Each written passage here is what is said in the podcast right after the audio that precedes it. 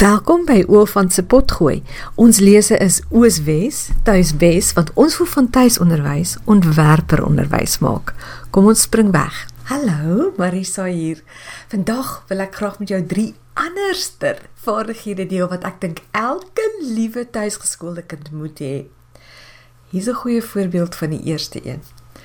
Die geskiedensklas het maar begin soos al die ander klasse op Paul Smith se eerste dag in die hoërskool. Die onderwyser, meneer Owen, het homself voorgestel, verduidelik waaroor die klas gaan, hoeveel toetse daar gaan wees en hoe hy punte gaan gee. En toe, toe die klas omtrent 20 minute aan die gang was, bars vier seuns met skiemaskers en swaaiende vuurwapens die kamer binne. Niemand beweeg nie, skree hulle. Hulle stamp die onderwyser teen die grond, vat sy beursie en storm weer uit. Alles het in minder as 15 sekondes gebeur. Die hele klas was lam van skok. Meneer Ouen staan kalmpies op en skud sy broekspype af. "Almal oké?" Okay? vra hy. Floukies verseker die kinders hom dat niemand iets oorgekom het nie. Toe sê hy: "Ontspan, die hele ding was vooraf gereël. Die rowers was kinders wat verlede jaar in my klas was. Alles was net speel, speel." Voor die klas kans kan kry om van die skok te herstel, gaan hy voort. Julle eerste opdrag is om 'n vel papier te vat en alles neer te skryf wat sopas gebeur het. Voeg soveel as moontlik besonderhede in. Almal slaak sig van verligting en begin skryf. Na 'n paar minute neem hy die papiere op, gaan staan voor in die klas en lees die een na die ander van die kinders se weergawe voor. Die stories was verstommend verskillend. Die meeste kinders het gesê daar was 4 seuns. Maar sommige het gesê daar was net 3.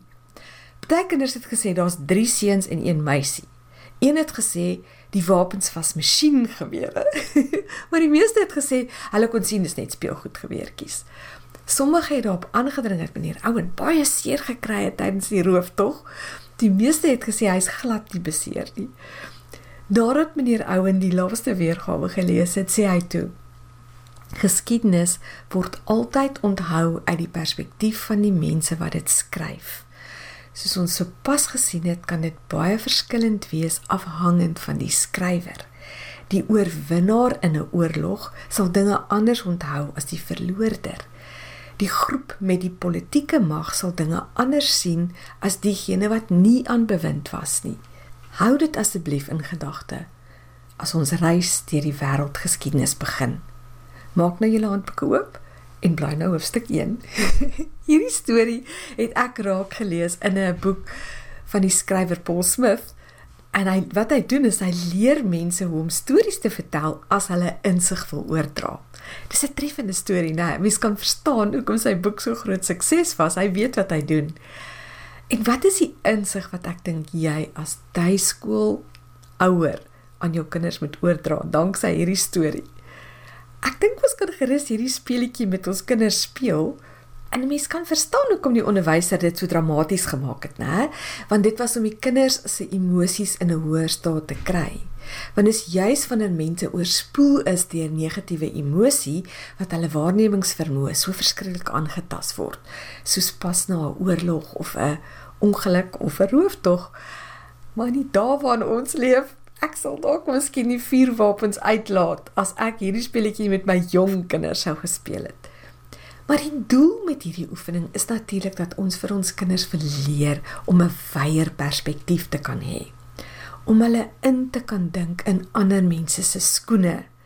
Maar ek dink vandag vir vandag se tye is nog 'n belangrike les dat hulle ook raak sien dat hulle hulle belewenis van die situasie is ook geldig.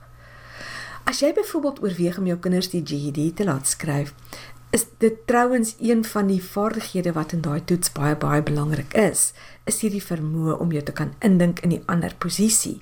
Want jy sien in daai toets met jou kind 'n redeneerde opstel kan skryf en hy en sy moet in staat wees om die stand om 'n standpunt uit enige oogpunt te kan verdedig. Ek dink dis 'n verskriklike belangrike denkvaardigheid wat ons vir ons kinders kan leer. Een van die beste voorbeelde wat ek self daarvan teëgekom het, is die Nederlandse teoloog Herman Bavinck. In sy teologiese boeke stel hy sy opponente se standpunte so goed dat 'n mens begin wonder of hulle nie dalk punt weet dit nie. En eers nadat Pafink hulle standpunt met die uiterste respek en sorg gestel het en baie regverdig, dan sal hy dit uitmekaar uit begin trek. Die resultaat is natuurlik dat hy 'n skrywer baie meer gesaghebend oorkom. Hy het nie nodig om sy opponente te beledig nie. Hy kan hulle argumente rustig met sy redeneer vermoë weer lê. En ek dink een van die grootste geskenke wat ons as tuiskolers vir die samelewing kan gee, is om ons kinders met hierdie meer genuanceerde beskouings die wêreld in te stuur. Wat is die tweede vaardigheid waarsonder ons kinders in my beskeie opinie nie kan klaarkom nie? Vat dinge stadiger. Laat tyd toe vir dink, tyd vir verbeel, tyd vir speel, tyd vir dagdroom. 'n Wonderlike voorbeeld hiervan is die 9-jarige seentjie wat een aand saam met sy tante in die kombuis was. Sy het gesit en tee drink. En hy het by die stoof gestaan en gekyk hoe die teeketel kook. Hy was gefassineerd met die stoom wat by die ketel uitgekom het. Hy het 'n teelepel binne in die straal van die stoom gehou en hom verkyk aan die druppels water wat op die lepel vorm en afloop teen die handvatsel. Oor en oor het hy hierdie eenvoudige speletjie gestaan en speel. Sy tante het later gefrustreerd geraak met sy oënskynlike luiheid. Ek nog nooit so 'n ledige seentjie gesien nie, het sy geraas. Kryf jou 'n boek of maak jouself nuttig. Vir die laaste uur het jy nie 'n woord gepraat nie, maar jy karring maar om die deksel van die ketel af te haal en dit weer op te sit. Skaam jy jou nie om so lui te wees nie? Gelukkig het die seentjie hom nie veel aan haar geraas gesteer nie. Twee dekades later, in die jaar 1765 was hierdie einste seentjie 29 jaar oud. En hy het 'n nuwe soort stoomenjin ontwerp wat die hele groot industriële revolusie aan die gang gesit het. Sy naam was James Watt. En elke keer as ons praat van kilowatts wat uitgesit word deur 'n kragstasie, is dit James se naam wat ons herdenk. Hy het homself inderdaad baie nuttig gemaak.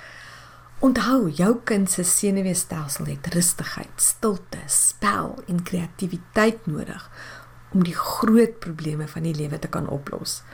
Kom ons maak as tuiskolers vir alseker ons gee dit vir hulle. So van stoom aangedrewe gepraat. Een aand in 1886 in Illinois in die VSA verfies Josephine Garris Cochrane haar behoorlik As 'n boba's gasvrou het sy weer een van haar legendariese etes aangebied.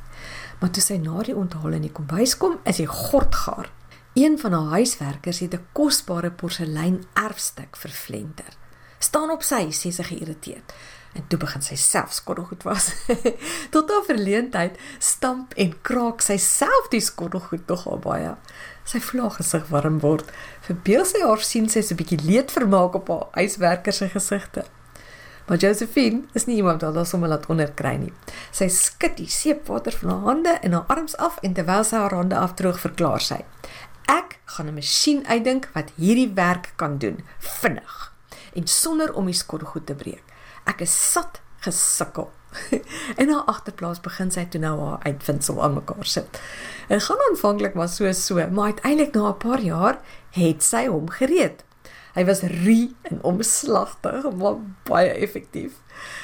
Sy het 'n klein pedaal aangedrewe weergawe gehad, maar hy het nooit regtig die pyp gerook nie.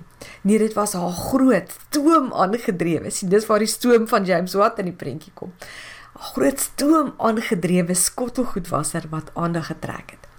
En geen wonder nie, want hierdie gedoente van haar kon binne 2 minute 200 stukke breekware was en droog. Josephine se masjien was 'n sensasie op die 1893 World Fair, World's Fair in Chicago. En hy selfde jaar het mense se monde oopgehang oor die wêreld se eerste reuse wiel, iets wat almal deesdae by pretparke ken. In sy kategorie het Josephine se wasmasjien met die eerste prys weggestap. Maar hy was te duur vir tuisgebruik en was meer geskik vir restaurante en hotelle. En dis aan hierdie instansies wat sy genoeg van haar stoom aangedrewe skorrelgoedwassers verkoop het om Cochrane Crescent Washing Machine Company winsgewend te bedryf te hou vir bykans 20 jaar. Sy is in 1913 oorlede. Toe jy tuiskool ma geword het, het jy seker ook daar vir jouself gesê ek is siek en sat vir die skade wat aan my kinders gedoen word. Ek gaan hulle self onderrig. Miskien het jy ook nes Josephine agtergekom. Ah, dit is nie so maklik om dit self te doen nie. Maar nes mevrou Kakrin, weet jy ook dat jy as tuiskooler 'n plan kan maak. Met vindingrykheid maak ons dinge makliker vir onsself en vir ons kinders. En dis die derde anderster vaardigheid wat ek glo ons aan ons kinders moet oordra en waar sonder hulle nie in die moderne lewe sal kan klaarkom nie.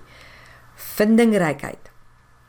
Ek hou sommer baie van hierdie aanhaling wat skynbaar deur die Franse filosoof Voltaire gesê is: Geen probleem is bestand teen die volgehoue aanslag van denke nie.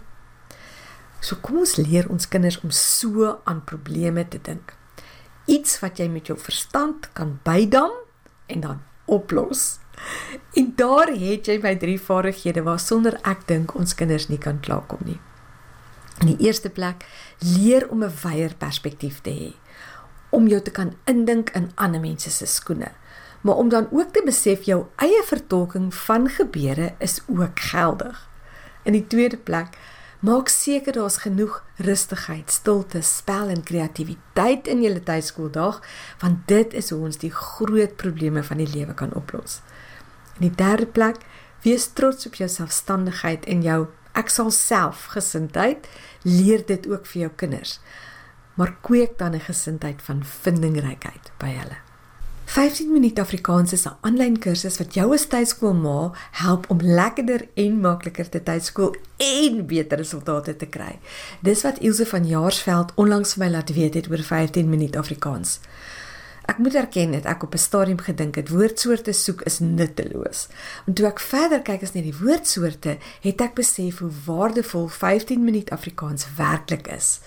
My seun, toe 11, sy redenasie vermoë het verbeter en selfs sy probleemoplossingsvaardigheid. Hy het eers moedeloos geword met woordsoorte soek, maar soos hy gevorder het, het dit pret geword en dit was later amper soos wegkruipertjie speel. Ons het die sin se woorde getel en wanneer ek en hy die sin deurgewerk het om te kyk wat reg was, het ons 'n punt gegee uit die hoeveelheid woorde wat daar in die sin was. Dit het vir hom 'n innerlike uitdaging geword om volgende keer meer woorde reg te benoem en so het hy homself gemotiveer om woordsoorte te herken. Dankie vir 'n lekker leermanier om woordsoorte te leer ken. So wat is 15 minuut Afrikaans? Dis 'n 30 week lange kursus waarin jou kind gaan leer van in die eerste plek soos jy gehoor het, die basiese woordsoorte. Maar jy gaan ook hulle gaan ook leer van nuwe woorde. Hulle gaan ook iets leer soos lettergrepe wat later baie help met spelling. Dis regtig net 15 minute per dag, maar dis 'n kwartiertjie met omvuur, hoor, want daar vind baie leer plaas.